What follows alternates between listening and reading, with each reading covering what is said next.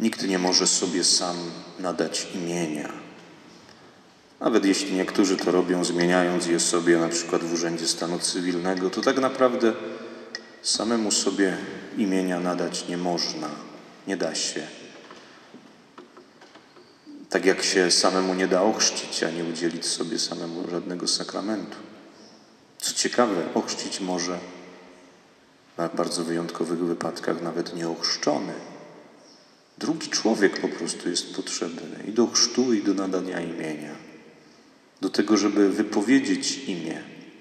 Kiedy Pan Bóg stworzył człowieka, przyprowadził do niego zwierzęta, żeby zobaczyć, jak je nazwie. I żadnemu z tych zwierząt pierwszy człowiek nie nadał imienia i jakiegokolwiek, tylko powiedział istota żywa.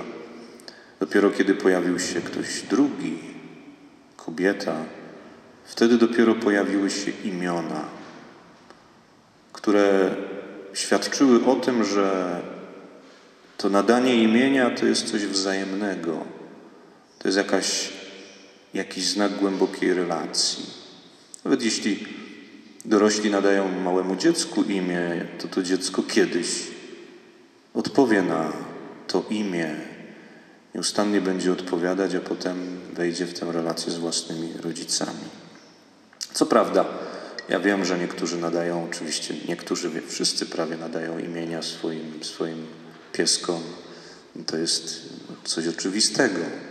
No ale mimo wszystko, choćby nie wiem, jak ten pies się starał, to tym samym nie odpowie.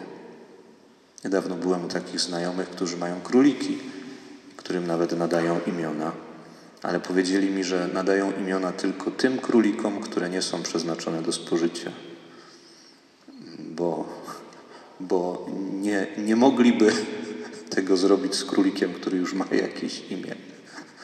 Więc tak przenosimy te nas, nasze różne zwyczaje ludzkie nawet na zwierzęta. Dzisiaj w Ewangelii słyszymy, że Piotr, że Jezus mówi do Piotra: Ty jesteś Piotr, Ty jesteś Piotr. Przyjrzyjmy się temu imieniu. Tak właściwie to nie jest imię. Wtedy, kiedy Jezus wypowiada to słowo, to nie jest imię. Ono się stało imieniem dopiero od tego momentu, kiedy, kiedy Jezus to zrobił z Piotrem. Raczej tak, tak to wygląda, jeśli patrzymy na historię tego imienia. To było słowo, które oznaczało skałę.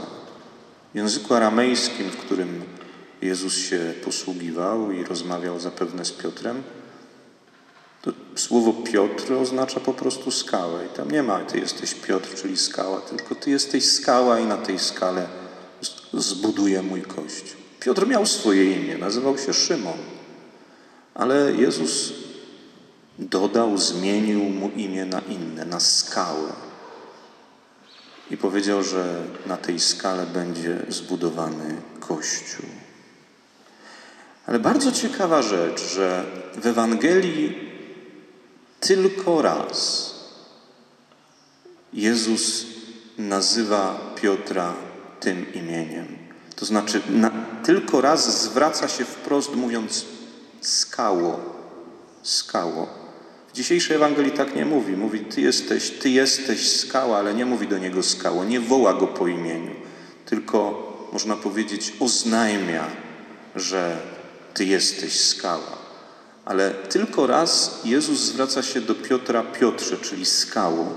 I dzieje się to wtedy, kiedy Piotr jeszcze przed męką Jezusa mówi, że choćby wszyscy zwątpili, to nie zaprze się Jezusa. Mówi tak do Jezusa: Panie, z Tobą gotów jestem iść nawet do więzienia i na śmierć. I wtedy, I wtedy pada to imię, jedyny raz w Ewangelii. Jezus mówi, Piotrze, skało, powiadam Ci, lepiej zanim nim zapieje kogut, Ty trzy razy wyprzesz się tego, że mnie znasz. To jest bardzo dziwne, że nigdzie indziej Jezus tak nie mówi do, do Piotra. Ewangeliści określają go wszędzie. Piotr, Piotr, Szymon, Piotr, ale Jezus tylko wtedy. Wydawałoby się, gdybyśmy nie y, widzieli powagi tej sytuacji, tuż przed męką, tak, niebezpieczeństwa, zagrożenia, to jest y, taki niesamowicie y, głęboki moment, to można by nawet, gdyby nie to, to mo można by nawet stwierdzić, że to jest jakaś ironia. Skało, powiadam ci, zapie, zanim zapieje kogut, ty trzy razy wyprzesz się tego, że mnie znasz. To znaczy, tak jakby Jezus, oczywiście On tego nie mówi, ale można by to tak opacznie zrozumieć. Jaka z ciebie skała? Nie? Czy to jest twoje imię rzeczywiście? Ale Jezus tutaj nie żartuje, nie, nie ironizuje, tylko mówi bardzo poważnie. Skało. Tak jakby Piotr, tak jakby chciał, żeby Piotr usłyszał to imię w momencie, kiedy Jezus mówi mu prawdę i zapowiada jego upadek. Mówi to imię w momencie, kiedy Piotr myśli, że siebie lepiej zna niż Jezus go zna. Piotr patrzy w siebie i mówi: Ja, ja znam siebie, ja znam siebie lepiej. Jezus mu mówi: Ja Ciebie znam, ja Ciebie nazywam, ja, ci, ja Tobie mówię skało. Zaprzesz się mnie.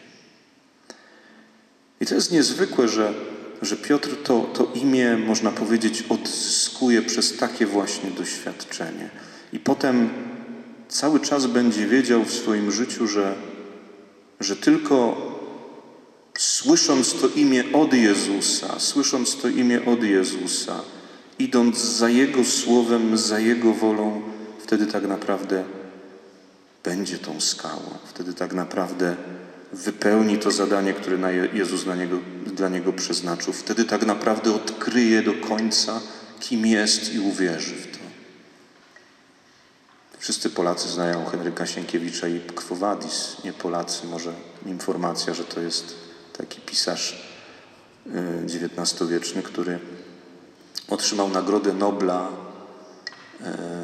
za powieść Quo Vadis, czyli dokąd idziesz, który opowiada właśnie o, o Piotrze, między innymi o Piotrze, który tuż przed swoją śmiercią znowu był trochę taki chwiejny, uciekał z Rzymu i wtedy Jezus go spotkał. To jest legenda, ale, ale bardzo silnie obecna w Kościele jako pewna tradycja. Być może rzeczywiście tak było.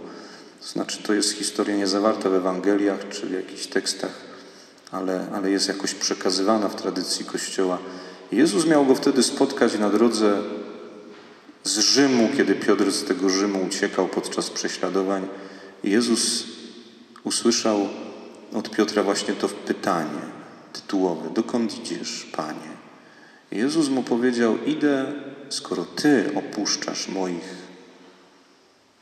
moich wiernych, moi, moją trzodę, moich, moje dzieci, moich braci i siostry to ja idę do Rzymu, żeby mnie ponownie ukrzyżowano. Wtedy Piotr wrócił. I to jest takie, takie piękne pokazanie, że, że Piotr przez całe życie borykał się z jakąś swoją słabością, z jakimś swoim pęknięciem, ale jednocześnie cały czas słyszał to imię. I jak tylko to imię usłyszał, jak tylko przypomniał sobie, że Jezus go tak nazwał, że go tak nazywa, to wtedy wszystko było dobrze. I ostatecznie wrócił, został ukrzyżowany i jego relikwie spoczywają w fundamentach Bazyliki Świętego Piotra w Rzymie. Można nawet tam zejść głęboko i można tych relikwii dotknąć. Jeśli ktoś będzie, to tam warto, warto się udać. I każdy następca świętego Piotra, czyli każdy papież, można powiedzieć, uczestniczy w tym charyzmacie. Wie, że sam z siebie jest słaby, ale że jeśli będzie się zwracał do Jezusa, to otrzyma wszelką pomoc, żeby dla Kościoła być rzeczywiście skałą i opoką. Ale co to znaczy dla nas? Będziecie tutaj zapisywać imiona, będziecie je słyszeć, ale najważniejszy moment to ten, kiedy usłyszycie te imiona podczas chrztu. Myśmy, którzy zostali ochrzczeni, usłyszeliśmy to imię. To Bóg nas wtedy nazwał tym imieniem. Oczywiście rodzice je wybrali, czy ktoś inny je wybrał i tak dalej. Można tak powiedzieć po ludzku, ale tak naprawdę wtedy Bóg mnie nazywa tym imieniem. Nie tylko po prostu wypowiada jakiś dźwięk, żeby mieć tam zapisane to w kartotekach niebiańskich, ale wchodzi w tę relację. I dlatego Jezus, dzisiaj w tej Ewangelii pyta, pyta uczniów, za kogo mnie uważają, a wy za kogo? A wy za kogo? I Piotr mu mówi, Jezus mu wtedy wypowiada to, to, to imię Piotra, tak? I dokładnie tak samo jest z nami. To zapisanie imienia, to wypowiedzenie tego imienia podczas chrztu oznacza, że Jezus wchodzi z Tobą w głęboką, międzyosobową, intymną wręcz relację, serce w serce. To nie tylko On Cię nazywa tym imieniem, które za chwilę, za chwilę je usłyszymy, te imiona, ale jednocześnie chce, żebyś Ty do Niego mówił. Ty się do Niego zwracał, Ty Go pytał, Ty z Nim rozmawiał nieustannie, codziennie. I żeby to była ta droga, taka jak Piotra. Każdy, każda, każda droga każdego z nas jest inna, ale ona też ma doprowadzić do tego ostatecznego spotkania i przypieczętowania tej, tej, tej miłosnej relacji i spotkania człowieka z Bożym Synem, też człowiekiem. Serce w serce, imię w imię. To jest właśnie tak. I życzę Wam, drodzy katechumeni, jeszcze katechumeni, za chwilę wybrani, żeby to się stało, a tym, którzy już, nad którymi to imię zostało wypowiedziane, jako kiedy byli dziećmi, albo kiedy usłyszeli to imię jako dorośli podczas chrztu, życzę Wam, że, żebyśmy tę relację pogłębili, bo Jezus na tę relację cały czas czeka. Amen.